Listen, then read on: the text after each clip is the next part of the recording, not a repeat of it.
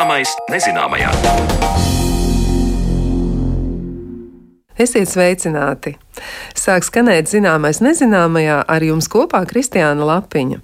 Šodien raidījumu esam veltījuši auga aizsardzības līdzekļiem, konkrētāt tam, ko zinām un ko nezinām par šo vielu kokteili dabā. Eiropas komisija šogad apstiprināja glifosāta tālāku lietošanu lauksaimniecībā. Tas, protams, radīja dažādas pretējas reakcijas lauksaimnieku un vides organizāciju starpā. Stundas otrajā pusē skaidrosim, ko zinām par šo vielu dzīvi augsnē kas notiek ar tām dabā, kad un kā tās sadalās un kāda ir ietekme uz apkārtējo vidi. Bet pirms tam jūsu uzmanībai sižets no mūsu arhīva krājuma par antibiotiku lietošanu dzīvnieku medicīnā.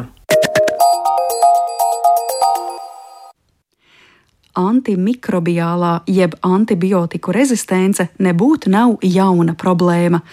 Tātad rezistences gadījumā baktērijas ir nejutīgas pret antibiotikām, tāpēc jau labu laiku notiek mēģinājumi antibiotikām atrast aizstājējus. Cilvēku medicīnā tiek pielietoti baktēriju apēdāji, jeb bakteriofāgi, un arī veterināra medicīnā ienāk paņēmieni, kā mazināt antibiotiku lietošanu, lai ārstētu mūsu četrkājainos, divkājainos, ar spurām un spārnīm apdāvinātos mīluļus. Latvijas Biozinātņu un tehnoloģiju universitāte ir bijusi un joprojām ir iesaistīta vairākos pētījumos šajā jomā. Viens no tiem par antibiotiku brīvas cūkopības attīstību nesen noslēdzies, un par secinājumiem, kā arī nākotnes tendencēm antibiotiku samazināšanā veterinārā medicīnā sarunājos ar šīs universitātes veterinārā medicīnas fakultātes dekānu profesoru Kasparu Kovaļenko. Vispirms par to, kā sācies antibiotiku noriets un kāpēc ir svarīgi vadīties pēc vienotas pieejas ārstēšanā gan cilvēkiem, gan citiem dzīvniekiem principā līdz 20. Eh, gadsimta otrai pusē, tas ir nu, līdz 80. un 90. gadiem, mēs varējām uzskatīt, ka bija tāds antibiotiku zelta laikmets, nu, kad mēs tās antibiotikas izmantojam krustu šķērs un izmantoja arī dzīvnieku ārstniecībai, ne tikai ārstniecībai, arī dzīvnieku produktivitātes veicināšanai. Bija piemēram putniem, cūkām un ne tikai. Antibiotikas tika pievienotas barībai, kas izraisīja nu, palielinātu dzīves ar pieaugumu rezultātā produktivitātes paaugstināšanos. Tad tā diezgan skaidri mēs par to sākām runāt 90. gados par antimikrobiālo rezistenci, ka tā ir problēma. Patiesībā jau Fleminga kungs, kas ir antibiotikas atklāja, viņš jau minēja par to jau, ja nemaldos, 40. gados, ka tā būs problēma, kad mēs saskarsimies ar antimikrobiālo rezistenci. Tā kā principā nu, mēs to zelta laikmetu izdzīvojam, nonācām līdz tam, kad baktērijas pierada pie tā, ko mēs lietojam, jo nu, baktērijām arī jāizdzīvo. Un rezultātā mēs nonākam pie tās situācijas, ka mums eh, šo te terapeitisko līdzekļu, ārstniecības līdzekļu ar bakteriālām infekcijām kļūst arvien mazāk. Nu, mēs redzam to, ko mēs lietojam iepriekš. Mēs vairs lietot nevaram. Tas nozīmē, ka kaut kas ir jāmaina, kaut kas jādara. Jo, diemžēl, tie mehānismi, ko mēs baktērijām varam ietekmēt, nav bezgalīgi daudz.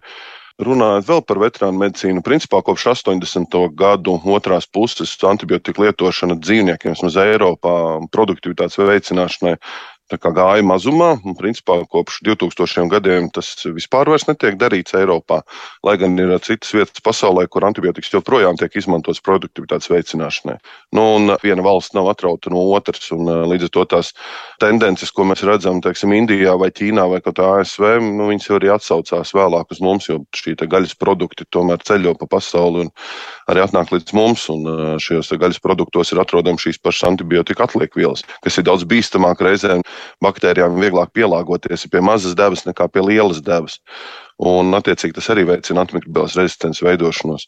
Nu, tur ir uh, arī smagie metāli, pesticīdu lietošana lauksaimniecībā. Tas viss ietekmē antimikrobiālas rezistences uh, veidošanos. Diemžēl tā problēma ir milzīga īstenībā. Mm. Arī ir tādas uh, nu, diezgan pesimistiskas prognozes par nākotni, ka 2050. gadā, kas absolūti vairs nav nemaz tik tālu, kad aptuveni 10 miljoni cilvēku gadā varētu mirt no no šīs antimikrobiālas rezistences izraisītām problēmām. Nu, tad, tad cilvēki inficējas ar bakteriālām infekcijām, vienkārši mums vairs nav līdzekļu, ar ko šos cilvēkus izglābt. Un tāpēc jābūt vienotai pieejai, attiecīgi jābūt gan antimikrobiālas rezistences mazināšanai cilvēku medicīnā, veterināru medicīnā, lauksaimniecībā, un attiecīgi visiem ir jāstrādā pie tā, lai šo rezistenci mazinātu. Es gribēju arī jautāt, vai antibiotikas ārstēšanā līdz šim, nu, tajā antibiotiku zelta laikmetā, ir lietotas visiem dzīvniekiem. Es, piemēram, stādos priekšā biti un ziloni. Mm -hmm. ja? Vai tiem abiem var lietot antibiotikas? Un līdz ar to arī jautājums, vai visos šajos gadījumos, tīri teorētiski, mēs arī varētu atteikties no antibiotikām. Mm, jā. Antibiotikas lietu absolūti, nu, jāsaka, tā lietotas. Man šķiet, ir visām zīdītāju sugām, bitēm, zivīm tiek lietotas antibiotikas, putniem, protams. Visas dzīvnieku sugas ir slimo ar bakteriālām infekcijām, un katras bakteriālas infekcijas gadījumā mēs tās antibiotikas izvēlamies. Gana daudz precedentu, ka antibiotikas tiek lietotas arī augiem ir virkne pesticīdu patiesībā ir antibiotikas pēc savas būtības. Tā kā mēs arī antibiotikas izsējam pār laukiem vienkārši. Un ar zivīm un akvakultūrām runājot, antibiotikas pievieno ūdenim. Jūs iedomājaties, ūdens, kas cauri zivju audzētājiem atgriežas upē, nu tad tā vide tiek kontaminēta vai bagātināta ar antibiotikām. Nu, tad mēs tā rezultātā visi vienkārši peldamies tajās antibiotikās. Tas nu, izklausās nu, aptuveni tā.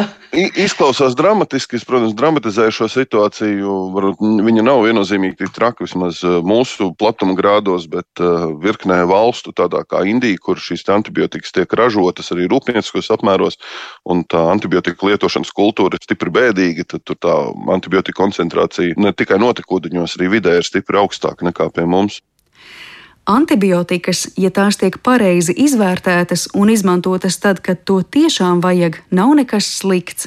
Par to ir pārliecināts Kaspars Kovaļenko, un ir gadījumi veterinārā medicīnā, kad antibiotikas būs nepieciešamas, piemēram, sivēniem bieži sastopamās caurejas jeb diarejas gadījumā. Jā, cūku var izaudzēt arī bez antibiotikām. Tas gan ir grūtāks ceļš un ietver daudzus pasākumus - dzīvnieku drošību, pārtiku, vakcināciju. Šos paņēmienus un nesenā pētījumā par cūkopību gūtās atziņas plašāk izskaidro profesors Kovaļenko. Es laikam būšu tas cilvēks, kas teiks, ka pilnībā no antibiotikām veterinārā medicīnā mēs atteikties nevaram. Tas uz doto mirkli šķiet neiespējami, bet būtiski samazināt antibiotiku patēriņu dzīvniekiem mēs varam patiesībā tur ir tāda kompleksa domāšana, jāieslēdz, jāapstāsta uz šo teiksim, cūku saimniecību vai putnu saimniecību kompleksu, jāsaprot par biodrošību. Kad, nu, ja mēs cūkas audzējam slēgtos apstākļos, mums ir uh, iespēja nepieļaut, ka infekcijas slimības no ārvides, tātad no savvaļas dzīvniekiem, no putniem, žurkām, grauzējiem, ka viņas nenonāk saimniecībā. Un, attiecīgi, ja mēs jau nepieļaujam infekcijas iekļūšanu, mēs jau varam mazināt antibiotiku lietošanu. Pēc tam nākošie soļi, ko mēs varam darīt, tur, teiksim, varības sastāvā spēlēties ar šķīstošajām, nešķīstošajām šķiedrvielām ar barības piedevām, probiotikas, prebiotikas, simbiotikas un tā tālāk. Šķiedrvielu daudzums ir tas, kas nosaka to, vai, piemēram, šīs baktērijas zarnās spēs eh, vairoties, pāraugt vai nespēs. Un, attiecīgi, šai barībai tika pievienots eh, nevis eh, sojas olbaltumvielas, bet tika pievienots, piemēram, olbaltumvielas no pupām nu, kas mums Latvijā ir arī viens no produktiem, kas tiek ražots. Un, ja iepriekš bija tāda doma, ka cūkas ļoti slikti izmanto vispār šo pupu proteīnu un zirņu proteīnu, tad uh, tagad uh, pētījumā mums rādās, tomēr, ka nē. Otrs ir arī uh, daži šie bioloģiskie cūku audzētāji barībai pievienojam, piemēram, raudeni, kaltētu raudeni. Tā kā arī, jā, protams, ir jau arī alternatīva līdzekļi, ko var lietot antibiotika vietā, ir arī šie augu valsts izcelsmes produkti. Nu, gan tāpat ir raudene, timijāns, nu, viņi satur karvakrols un timols, ir divas tādas darbīgās vielas, gan raudenē, gan timijānā kas diezgan būtiski ierobežo baktēriju augšanu.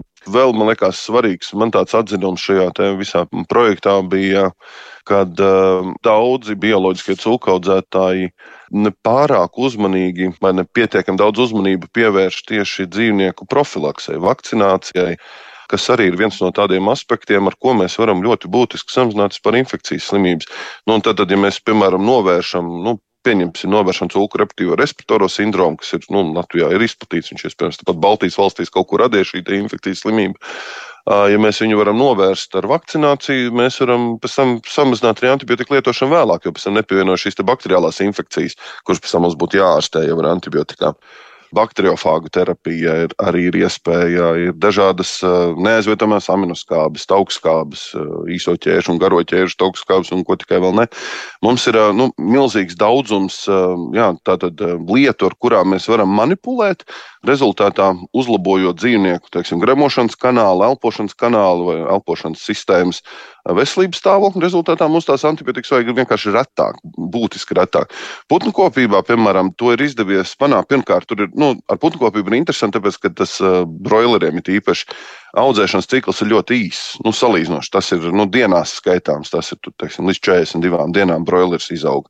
Šķirne ir tāda, barošana ir intensīva, gaisma, ir ventilācija, viss kā vajag.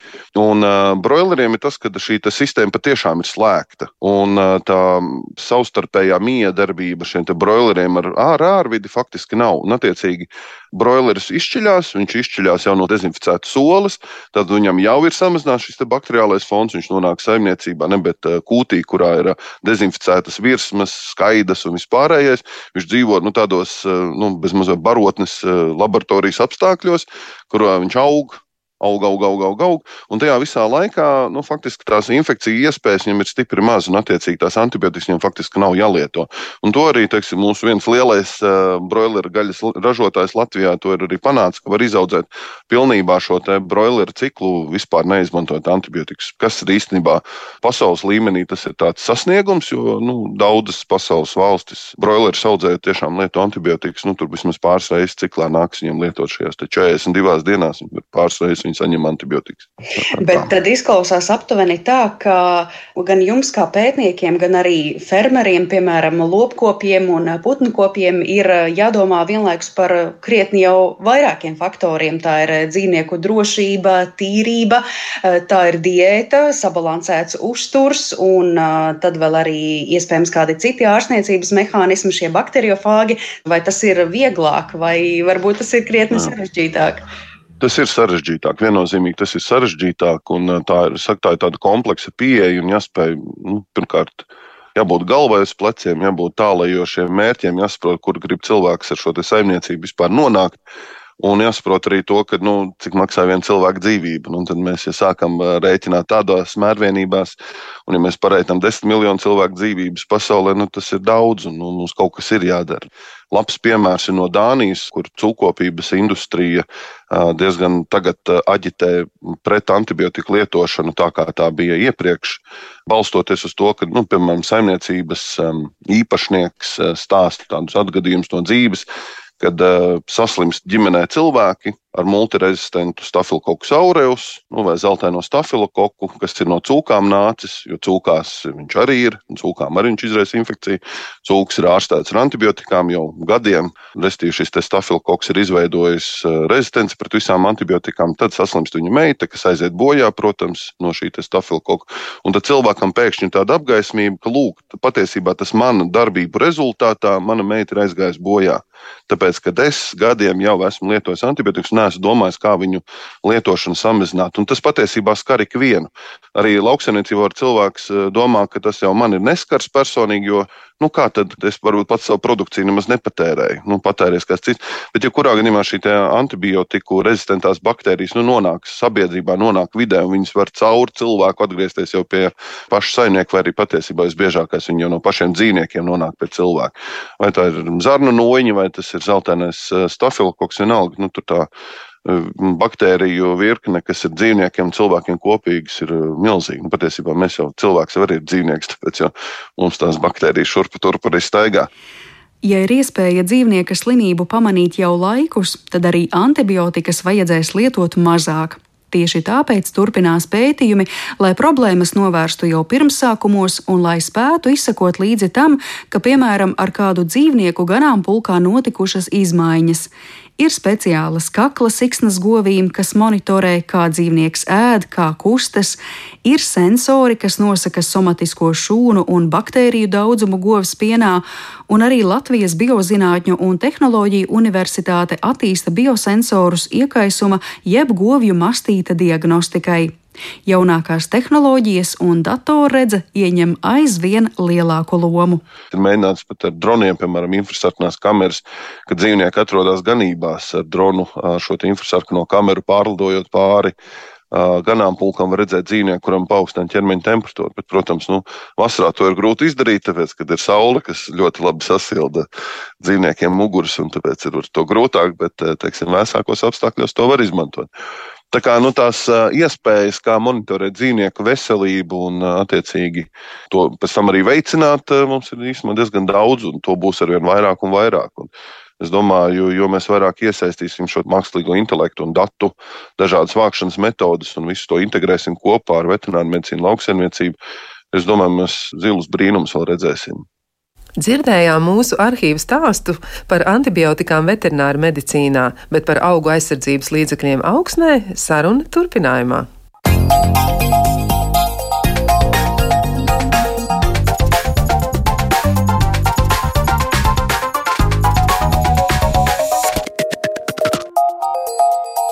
Zināmais nezināmajā.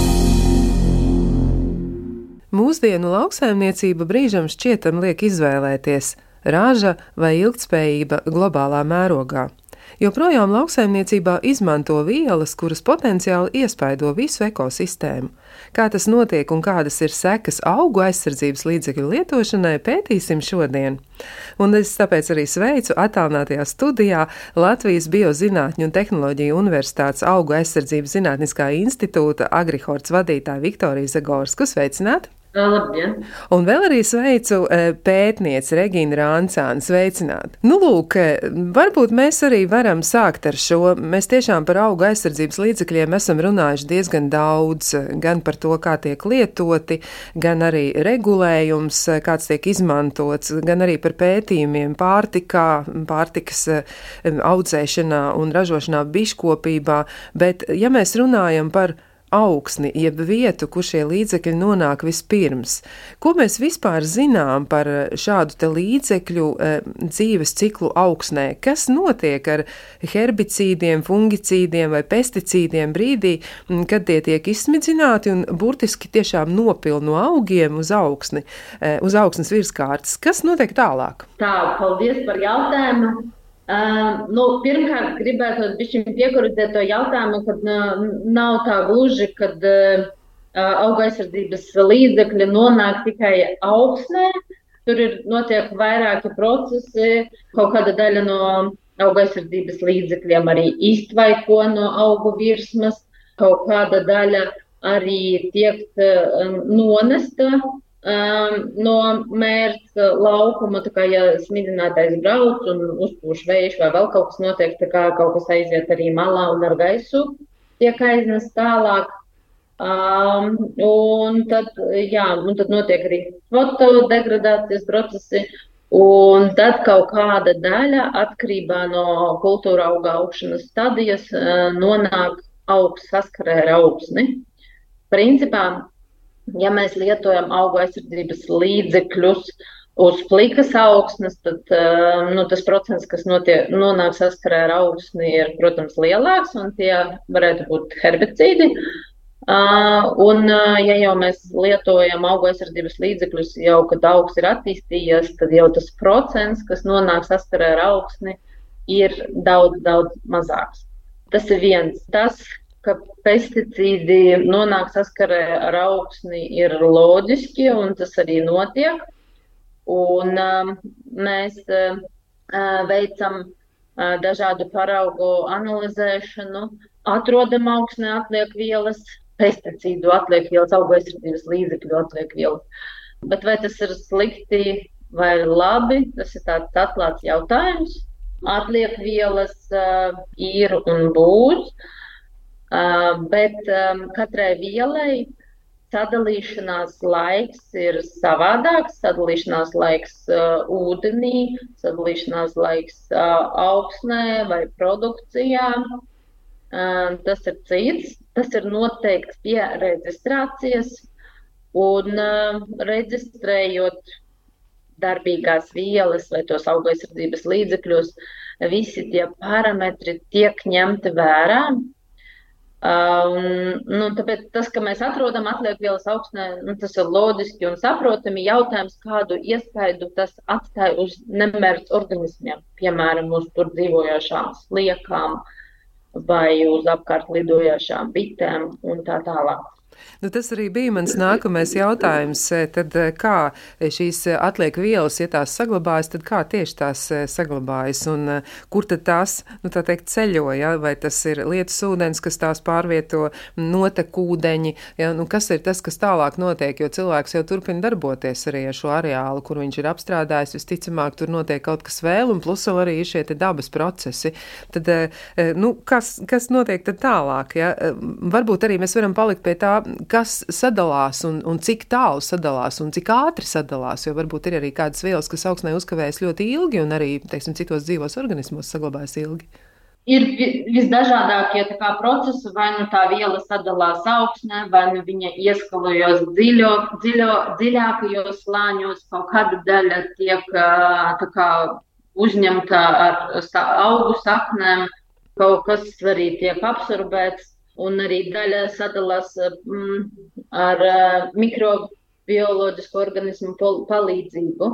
Nu, sliktākais scenārijs, kad tās atliekvielas um, nonāk ūdeņos, nu, kaut kādās upēs, ūdens tilpnēs, tiešajā veidā, kad, um, piemēram, neievērojot labo praksi, smidzina un ar gaisu tiek aizpūstas tās atliekvielas ūdens tilpnēs. Un vēl viens risks scenārijs, nu, kā caur augsni, ka tie augu aizsardzības līdzekļi nonāk aizvien dziļāk augsnes slānī, un ka tas augu aizsardzības līdzeklis sasniegs to pazemes ūdeņus, artēziskos ūdeņus, ka tie tiks piesārņoti. Jā, bet eh, kādi vēl savienojumi augsnē ar citām vielām var veidoties? Jo droši vien arī to jūs konstatējat, ka tur rodas kaut kas jauns. Nu, ķīmija tomēr paliek ķīmija, vielas ir, ir eh, tendētas mainīties. Nu, tas ir, eh, nu, ir pats uh, darbīgā viela, un ir tās darbīgās vielas, tā kā metabolīts. Par to Um, nu, zinātniekiem vai tiem cilvēkiem, kuri reģistrē tās darbīgās vielas vai augosardzības līdzekļus, tas ir zināms. Un, piemēram, kad glifosāta metabolīts būs ampa, un, un tad vērtējot riskus videi un cilvēka veselībai, vienmēr tiek skatīts, vai, nu, cik ir glifosāts augsnē un cik ir ampa augsnē. Tādā veidā. Jā, nu, vēl arī runājot par pētījumiem, nu, ir tā, ka šādu pētījumu laikam pasaulē nav veikti ļoti daudz, bet tomēr eh, priekšstats ir izveidojies un ir arī priekšstats par Latviju. Eh, ko mēs tieši zinām par situāciju Latvijā? Kā tad ir ar eh, augu aizsardzības līdzekļu konstatēšanu, jeb šo atliekvielu konstatēšanu? Jums noteikti ir dati, kas liecina par to, kāda ir situācija. Varbūt jūs varat to kaut kā komentēt arī. Nu jā, mēs esam veikuši četru gadu pētījumu. Pirmajā gadā mēs kā, veicām veicām vienkārši monitoringu pa dažādām kultūra augu grupām un, un skatījāmies, kādas atliekvielas atrodam. Pēdējos gadus mēs tagad koncentrējamies vairāk uz vairāk audzētām kultūrām, un tie ir kvieši un augi, kas iet augu maiņā ar kviešiem. Un mēs nosakām LBTU laboratorijā atliekvielas un um, gana plašu spektru, kur ir 646 vielas, Plus šogad mēs arī, arī glifosāta grupas preparātus nosakam. Jā, mēs, mēs atrodam atliekvielas, bet nu, jautājums, ko tas skaidrs mums dod? Nu, piemēram, ja mēs runājam konkrēti par atliekvielām, tad no 34 paraugiem 19 paraugos nu, tika atrastas atliekvielas. Bet jautājums, vai tas ir labi vai tas ir slikti, nu, tās koncentrācijas e, viņas e, nebija nu, augstāk par e, noteiktajām riska devām. Jo, kā jau minēju, pie vielu reģistrācijas nu, tiek vērtēts risks. Nu, piemēram, ja mēs runājam par sliekām, tad ir, ir noteikta maksimālā deva, kura atstāja iespaidu negatīvo neatgrieznisko sliekām. Ir kaut kāda akūtā deva, miligramus uz kilogramu, ja ir augsnē, piemēram, ja? un ir uh, kroniskā deva, nu, tas ir trīs, kad uh, sliekas var ilgstoši dzīvot augsnē, kur, piemēram, kaut kādai vielai epoksakanozolam koncentrācija būs 3 mg uz kilogramu. Ir tās robežvērtības un ir tas, ko mēs atrodam, bet tās koncentrācijas, kuras mēs esam atraduši, uh, nu, viņas nav lielākas uh, par 0,01 mg uz uh, kilogramu. 0,03. Nu, kā, ja mēs salīdzinām pret tām kritiskajām vērtībām, tad mēs pasakām, ka nu, um, kaitīgums um, vidēji nav konstatēts. Nu, kaitīgums, protams, kad ir, bet uh, atsaucoties uz robežvērtībām, tad, tad uh, viss notiek uh, likuma regulas ietvaros. Vēl arī tāds jautājums, vai augsnē var atrast arī tos pesticīdus, kas ir savulaik izmantoti un šobrīd jau ir aizliegti, vai jūs atrodat arī? Jā, pirmo gadu mēs esam atraduši DDT, kuru jau vairāk kā 50 gadus nelieto. Un, uh, tas arī tas pozitīvais moments, kad uh, principā katru gadu aizvien tiek aizliegtas dažādas vielas, un viņas arī tiek aizliegtas pēc principa, vai nu tās skaitās kancerogēnas veselībai vai reprodukcijas sistēmai, vai nu tās vielas ļoti ilgi sadalās augsnē. Atstāja ļoti negatīvu iespaidu uz aputeksnētājiem. Un tad pamazām mums tas saraksts paliek aizvien mazāks, ko drīkst lietot, un arī tās kaitīgākās vielas uh, vai nu viņas tiek pavisam aizliegtas, vai viņas tās atļauj lietot tikai slēgtajās telpās, vai nu kaut kādos ļoti, ļoti īpašajos nosacījumos. Un, nu, nu, kā jau minēju, DDT mēs esam atraduši pēc 50 gadiem, bet viņu jau vairs nu, nelieto Eiropā. Arī, ja mēs runājam par, pamā, par vielu izslēgšanu no reģistra, tad piemēram, tāda viela kā dikvats, kuram ir pussadalīšanās laiks, tas nozīmē, ka 50% no vielas sadalās augsnē pēc 2300 dienām. Un tā viela ir izslēgta. Tad um, arī, piemēram, epoksikanozous um, ar 350 dienām pussadalīšanās laiku arī tiek izslēgts no reģistra. Mēs viņu arī, piemēram, pagājušajā gadā esam atraduši, kaut vai viņš jau gadu ir izslēgts no reģistra. Bet uh, nu, tas ir normāli, tas atbilst tam sadalīšanās līknei, jo arī mēs zinām, ka 50% no vielas sadalās piemēram pa 100 dienām, bet tas nenozīmē, ka arī pārējie, nu, pārējā daļa, kas ir palikusi, sadalīsies pa simt dienām. Tur ir eksponenciālā līkna, un tad kaut kāda maza, maza koncentrācija paliek augstnē. Nu, ilgāku periodu. Jā, nu skaidrs, bet vai ir zināms, nu kā tieši šis piesārņojums, ja tāds ir radies un tāds tiešām arī tiek konstatēts, kā tas virzās tālāk konkrētajā ekosistēmā un kādas ir ilgtermiņa ietekmes? Vai jūs esat par to mēģinājuši domāt un esat to noteikti arī varbūt jau pētījuši? Jā, nu runājot par ilgtermiņa ietekmē, es atsaucos uz to nu, regulu vai kaut kādām prasībām, kādas ir reģistrējot darbīgo vielu. Tad, tad reģistrējot vielu, tiek noteiktas kritiskās vērtības, kuras atstāja to ietekmi, ne, negatīvo ietekmi. Tas, kad, piemēram, koncentrēts atrast, ir atrastas vielas augsnē, kādu tieši ietekmi, vai tur samazinās mikrobioloģiskā aktivitāte, pa cik procentiem to mēs neesam noteikti, jo tas ir tāds nu, smalks pētījums, tas ir kā arī attīstībai uz priekšu. Tā es atbildētu. Jā. jā, bet vai jūs arī esat mēģinājuši likt kopā kādas vielas, nu, mēģinot prognozēt, kas varētu notikt tālāk, jo, ja satiekas, tad tur varētu izveidoties, jo vielas jau savstarpēji arī sadarbojas un veido jaunas savienojumus? Tā, nu, runā žargonā zinātnieki vai, vai cilvēki, kurš strādā ar apgaismības līdzekļiem, kā, par kokteļu vielu ietekmi, vai kāds ir veids pētījums. Nē, mēs neesam veikuši pētījumus, jo mēs neesam ķīmiskā laboratorija. Mēs esam augoizsardzības institūts, mēs konstatējam faktu.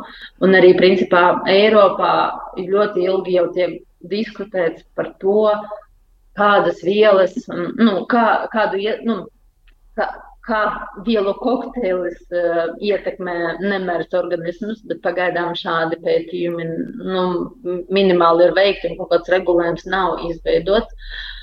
Un uh, runājot arī nu, par to jūsu minēto glifosātu, ilgāku periodu jau viņu arī grib izslēgt no reģistra un minot, ka arī tie dati ir pretrunīgi. Ir viens pētījums, kur pasaka, ka viņš ir kancerogēns, otrs pētījums pasaka, ka viņš nav kancerogēns. Un beigu beigās gala secinājums ir, ka tur saistviela, kur ir raunapā, tā izraisa kā kancerogenitāti. Nu, tas ir tas veids, kā arī pārbauda, nu, pārbauda arī produktu ietekmi uz veselību un uz vidi. Jā, nu šogad Eiropas komisija pagarināja glifosāta izmantošanas atļauju, un tas ir radījis ļoti izteikts sašutumu dažādās vidas organizācijās. E, varbūt tomēr jūs varat vēlreiz pastāstīt klausītājiem, kādam nolūkam tad tieši tas tiek izmantots un ko mēs vispār zinām par šo vielu, jā, un par, par nu, tā, tiešām e, šādu te aktīvu aģentu uzturēšanos augsmē. Varbūt ir vērts klausītājiem to atgādināt, jo ne visi, ne visi to zina. Nu, principā glifosāts ir uh herbicīds, kuru plaši lieto, mm, lai ierobežotu mm, nezāles, pārsvarā daudzgadīgās. Tam ir augsta efektivitāte, tā kā pieejama cena tirgū, un tāpēc to arī plaši izmanto. Varam runāt par negodīgām lietotājām, it kā runā, kad uh, daži negodīgi to lieto, lai samazinātu mitrumu ražā, nu, tāda lētākā variantā, izsmidzinot pirms ražas vākšanas. Nu, tas nebūtu tā tāds atļaujams variants. Bet, ja glifosātu lieto rudenī, tad, kad tas atbilst tām vajadzībām un prasībām, tad tam nevajadzētu atstāt ļoti lielu iespaidu pie nosacījuma, ka tas, tā darbīgā viela nav kancerogēna, jo vislielākās bažas bija jā par to reproduktīvo sistēmu, endokrīno sistēmu un kancerogenitāti. Dati ir atšķirīgi. Ja mēs skatāmies uz, uz glifosātu no tā skatu punkta, kā, cik ātri viņš sadalās augsnē, tad viņš ātri sadalās augsnē. Viņam tas pussuprašanas laiks precīzi nepateikšu, bet tur bija ap 30, 20 dienām. Principā mēs esam arī veikuši tādus aprēķinus, jā, katrai vielai, kādu ietekmi uz vidi tā atstāja, um, ņemot vērā tos parametrus, kas tika noteikti pie reģistrācijas. Nu, piemēram, kādu iespēju viņš atstāja uz bitēm, uz liekām, kā, kādā veidā var uzkrāties tur uz zivs organismā un tā tālāk, tad pie esošajām noteiktajām normām tā nebija kaitīgākā viela. Bet, nu, es saku, es nevaru apgalvot par to, vai, viņš, vai tā viela ir kancerogēna vai nē. Tas paliek no tās to veselības grupas zinātnieku ziņā, kā viņi to notestē un pārbauda.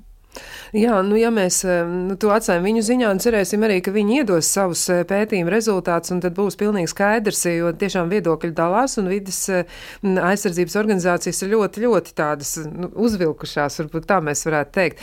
Bet eh, kādi būtu tie jūsu secinājumi, ja, piemēram, Eiropas komisija ir atzinusi, ka glifosāts ir drošs cilvēkam šobrīd, pašlaik, tad runājot par augsni, tomēr ir nu, jāatceras, ka tā ir ļoti sarežģīta ekosistēma, un mēs, mēs varam būt droši, ka lauksaimniecības zeme zemes šobrīd ir drošas izmantošanai. Jeb, nu, mēs varam tikai teikt, ka mēs varam balstīties uz to, ko mēs zinām pašlaik, un tā nākotne ir tāda ļoti grūti prognozējama. Kāds ir tas jūsu viedoklis un skatījums?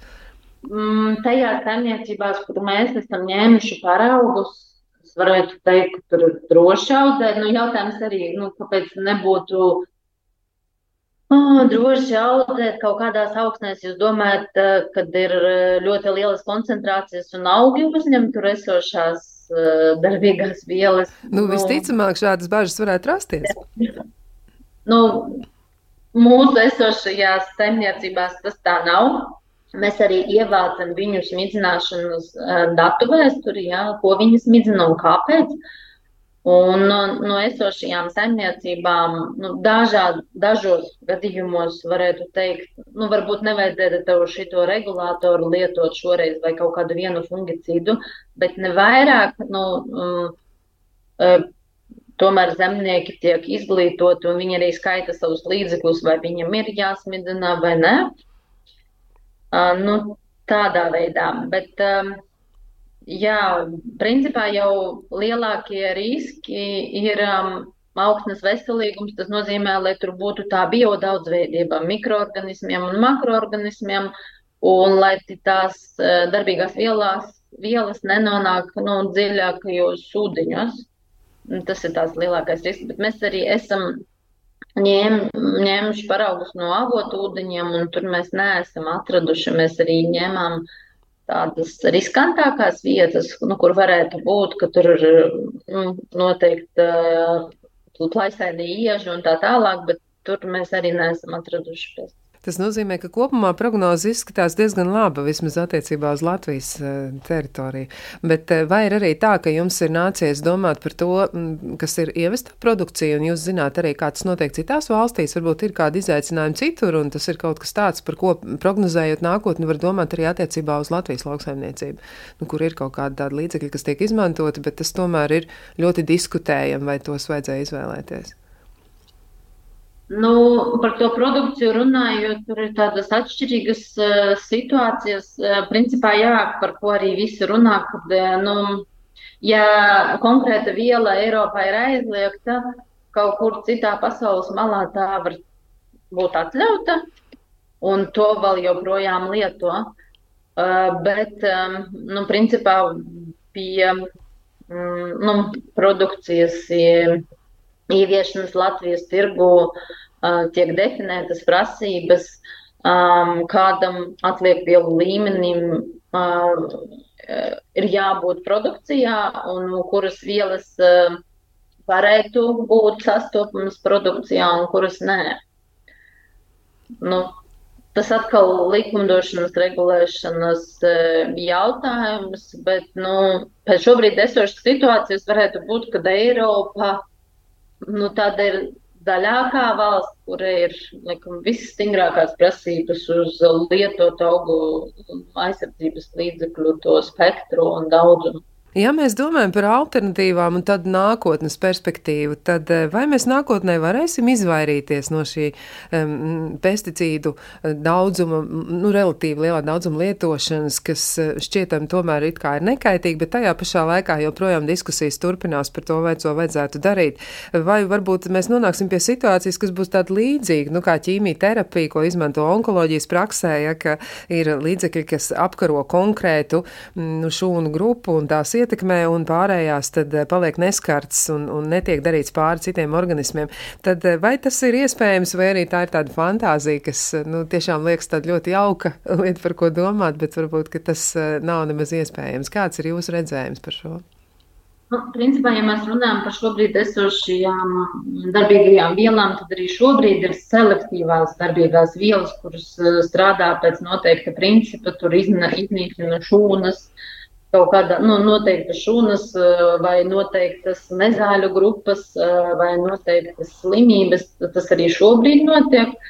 Eh, ja mēs runājam par tādiem pavisam alternatīviem preparātiem, kā biopesticīdi vai nu, citas metodes vai kaut kādas darbības, piemēram, kā augu maiņa, kura ļautu samazināt pesticīdu lietojumu, es visu laiku lietoju vārdu pesticīdi, bet ir jālieto auga aizsardzības līdzeklis pēc Latvijas reģistra.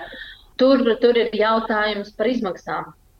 Uh, jo, nu, ja mēs, mēs šobrīd esam arī dalībnieki viena no projektiem par alternatīvo nezāļu ierobežošanu Eiropas projektā, un tad ir šobrīd skaidrs, ka pieejamā alternatīva šobrīd tirgu ir mehāniskā nezāļu ierobežošana. Tur atkal ir otrais gals par uh, segu emisijām, ka mēs kustinam augsni, un no otra gala augsnes zinātnieks saka, ka labāk augsni pārāk bieži neēst tik neārt un nediskot un arī ar tiešām nedarboties. Nu, tas ir viens piemērs. Piemēram, ja mēs runājam par uh, augu maiņu, nu, kad katru gadu uh, mainītu citu kultūru augu, nesētu, piemēram, divus gadus vai trīs gadus pēc kārtas kviešus, bet sētu kviešus, tad kaut kādas pupas vai vēl kaut ko. Um, nu, te mēs atduramies pret, pret tirgus pieprasījumu. Um, vai mums ir kam to citu produkciju tirgot, cik tas ir ekonomiski pamatoti un izdevīgi zemniekiem. Un, jā, un arī no otras puses patērētāji, par kādu um, cenu viņiem gatavi pirkt produkciju. Un tas ir vēl viens nu, tāds labs jautājums. runājot arī par pārējām pētījumiem, ko ir veikuši mums arī RSU, un viņi arī veikuši analīzes um, cilvēku urīnā, un viņi ir atklājuši, ka principā mēs no Eiropas valstīm esam vieni no tīrākajiem, ka mēs uh, audzējam vēl arī um, to dārziņus un kaut kādus vai ābolus savā dārzā un nelietojam neko, un tas mums palīdz kā, samazināt saskari ar, um, ar, ar, ar pesticīdiem, ar augaisardzības līdzekļiem. Um, tas arī viens no risinājumiem, kā mazināt to saskari, kad pats sev kaut vai minimāli kaut ko izaudzē dārzā. Ja mēs gribam redzēt intensīvu saimniecību ar mazām izmaksām. Nu, tas ir iespējams, bet nu, tas nav iespējams, piemēram, nogriezt uzreiz 50%. Te jautājums ir par kaut kādu izglītošanu, lēmumu atbalsta sistēmu lietošanu, kādu vairāk kārtīgu pārdomāšanu, vai man lietot to augaisardzības līdzekli vai nē. Nu, vēl viens jautājums arī par nākotni. E, tajā nozīmē, ka daži augi ar laiku kļūst rezistenti pret kādu noteiktu vielu. Tas arī ir izaicinājums. E, kā tieši šī problēma tiek risināta, jo augi arī mēdz pārceļot, un tad ir tā saucamās invazīvās sugas, un ar tām arī gribas cīnīties un gribas pasargāt savus kultūra augus. Rezultāts varētu būt tāds, ka nu, vielas kļūst aizvien, aizvien agresīvākas, e, jo arī rezistents parādās. Kā šī problēma tiek risināta, un vai jūs par to domājat?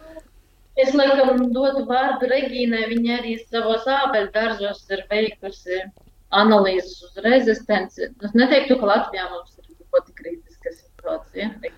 Jā, mēs varētu aicināt eh, pētnieci Regīnu Rāncānu mazliet dalīties ar savu pieredzi par šo, kā tad ir izmantojot eh, dažādas auga aizsardzības līdzekļus, kā tad ir rezistence, jo patiesi nu, pārmaiņas notiek arī šādā veidā.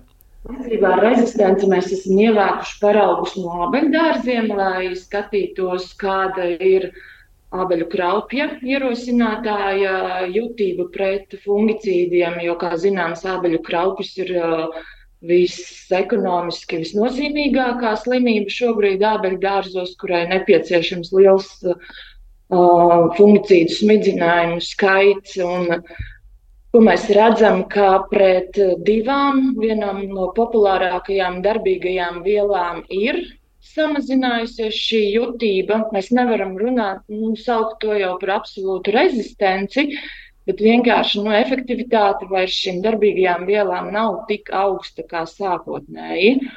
Tas, ko mēs iesakām, mēs iesakām uh, pēc iespējas retāk lietot šīs darbīgās vielas stādījumos. Uh, lietot tās pārmaiņas ar citām, maksimāli kombinēt stratēģijā, izmantot fungicīdu maisījumus, jau pieminētos, kas ir ierasta prakse augļu kopju saimniecībās. Mēs šobrīd aktīvi arī strādājam pie tā, lai stratēģijā ieviestu uh, jaunus preparātus, tādus, ko izmanto bioloģiskie audzētāji, kas ir jā, atļauti bioloģiskajā audzēšanā, lai nomainītu šos sintētiskos fungicīdus ar rezistences risku pret, piemēram, neorganiskajiem savienojumiem vai mikrobioloģiskajiem preparātiem. Uh, lai veidotos šī kombinētā stratēģija. Jā, par augļu dārziem runājot, izskatās, ka perspektīva ir samērā laba, bet eh, ko tad jūs domājat kopumā par eh, lauksaimniecības nākotni, ja tiešām ir grūti atrast līdzsvaru starp ražu, ražas apjomu un nepieciešamajām kultūrām, kuras gribētos audzēt, un pēc tam arī tās ir iespējams pārdot, un, un starp to, nu, kā saglabāt ekosistēmu kopumā. Tad kāds ir jūsu abu redzējums par to, kāda ir nākotne gan Latvijai, gan varbūt arī Eiropai vai varbūt varbūt pat visai pasaulē? Nākotnē ir saimniekot gudri, pētnieki un zinātnieki strādā arī pie jaunu produktu attīstības un ražošanas. Vēl viena nozare, kas šobrīd ir būtiska, ir jaunu šķirņu selekcija, kuras būtu jau pašas par sevi rezistentas, vai nu pret nezālēm, vai nu pret slimībām. Nu, tie, tie būtu laikam, tie galvenie virzieni, kuros šobrīd ir vēl joprojām ļoti aktīvi jāstrādā. Jā, nu šķiet, ka darba ir vēl pietiekami daudz, un uh, izskatās, ka mēs tuvākajā nākotnē no auga aizsardzības līdzekļiem gluži izvairīties nevarēsim, bet nu, ir dažādi paņēmieni un dažādi plāni un scenāriji, kā zinātnieki var piedāvāt arī mums saimniekot visiem daudz, daudz ekoloģiskāk ar tādu ilgspējīgu skatu nākotnē. E, šajā brīdī teikšu paldies Latvijas Biozinātņu un Tehnoloģiju Universitātes auga aizsardzības zinātniskā institūta Agrihorts vadītājai Viktorijai Zagorskai un pētniecei Regīnai Rancānai. Paldies par sarunu! Studijā bija Kristiāna Lapiņa, pie skaņu pults strādāja Kristīna Dēle, bet mūzika bija ģirta biša pārziņā.